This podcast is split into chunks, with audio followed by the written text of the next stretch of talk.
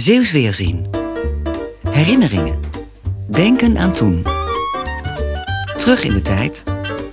Met Zeeuws Weerzien. Hoe ging dat bij jou vroeger op school, zo aan het einde van het jaar? Hallo, ik ben Remco van Schellen van Omroep Zeeland. Bij mij op de Admiraalschool in Middelburg stond altijd een kerstboom, als ik het me goed herinner.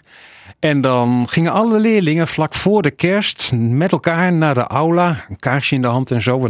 Ik denk dat er ook wel liedjes hebben gezongen dan. Het was een eh, protestants-christelijke school waar ik op zat.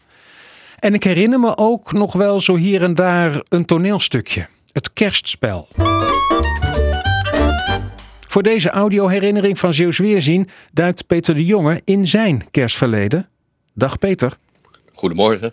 Jij speelde als kind altijd graag toneel. Ja, dat vond ik altijd heerlijk om uh, op de planken te staan en, en, al die mensen die naar je keken en zo'n rol mogen spelen, heeft iets magisch. Hoe oud was je toen? Het begon al op een jaar of zes, zeven. En uh, het is doorgegaan tot, uh, tot en met de middelbare schooltijd. En wat speelde je dan bijvoorbeeld voor stukken? Nou, wij speelden op de middelbare school Bloed en Liefde. Dat is een prachtig stuk van Godfried Bomans. Kregen we zelfs schermles voor, omdat erin geschermd werd. En het was een fantastisch spel waar alle jaren dwars door elkaar heen liepen. Kolderijk, zoals Bomans dat eigenlijk alleen maar kon schrijven. Maar schermen, dat is met zo'n sabel toch? Dat je tjak, tjak, tjak en zo. Ja, de vader van een uh, medeleerling die was schermleraar. En die kwam uh, naar school om ons uh, te leren met zo'n degen om te gaan. En ik weet ook nog dat was iemand die moest oud gesminkt worden.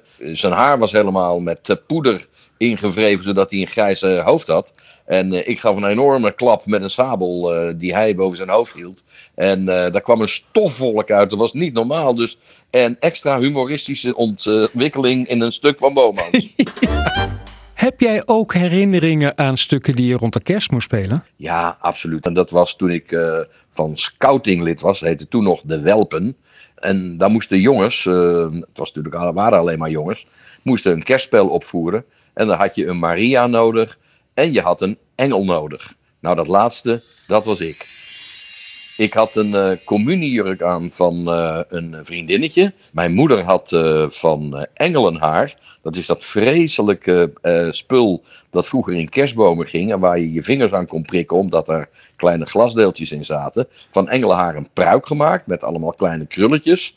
En als hoogtepunt had ik op mijn rug twee vleugels. En dat was een constructie ongelooflijk.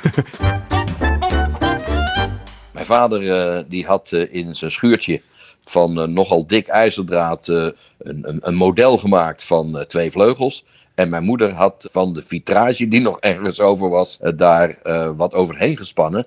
En dat geheel werd op mijn rug gebonden, zodat ik heel voorzichtig voortschrijdend naar voren kon komen en kon zeggen dat de engel des heren iets aan Maria had geboodschapt of iets dergelijks.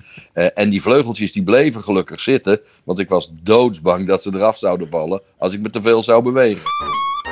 En het voelt natuurlijk ook wel met je handen devoot uh, tegen elkaar. Uh, ook, ja, het had ook wel iets bijzonders, moet ik zeggen. Bijna iets, iets heiligs. Dankjewel, Peter de Jonge. En fijne kerstdagen wens ik jou. Hetzelfde. Peter de Jonge met vleugels. Nou, als je de foto wil zien waar hij het over had, kijk dan eventjes op zeeuwsweerzien.nl. Heb jij een herinnering aan pak een beet, jouw kindertijd of je tienertijd? Geef dan eventjes een seintje. Dan kun jij ook een keer vertellen hier in de audioherinnering van Zeeuws Weerzien.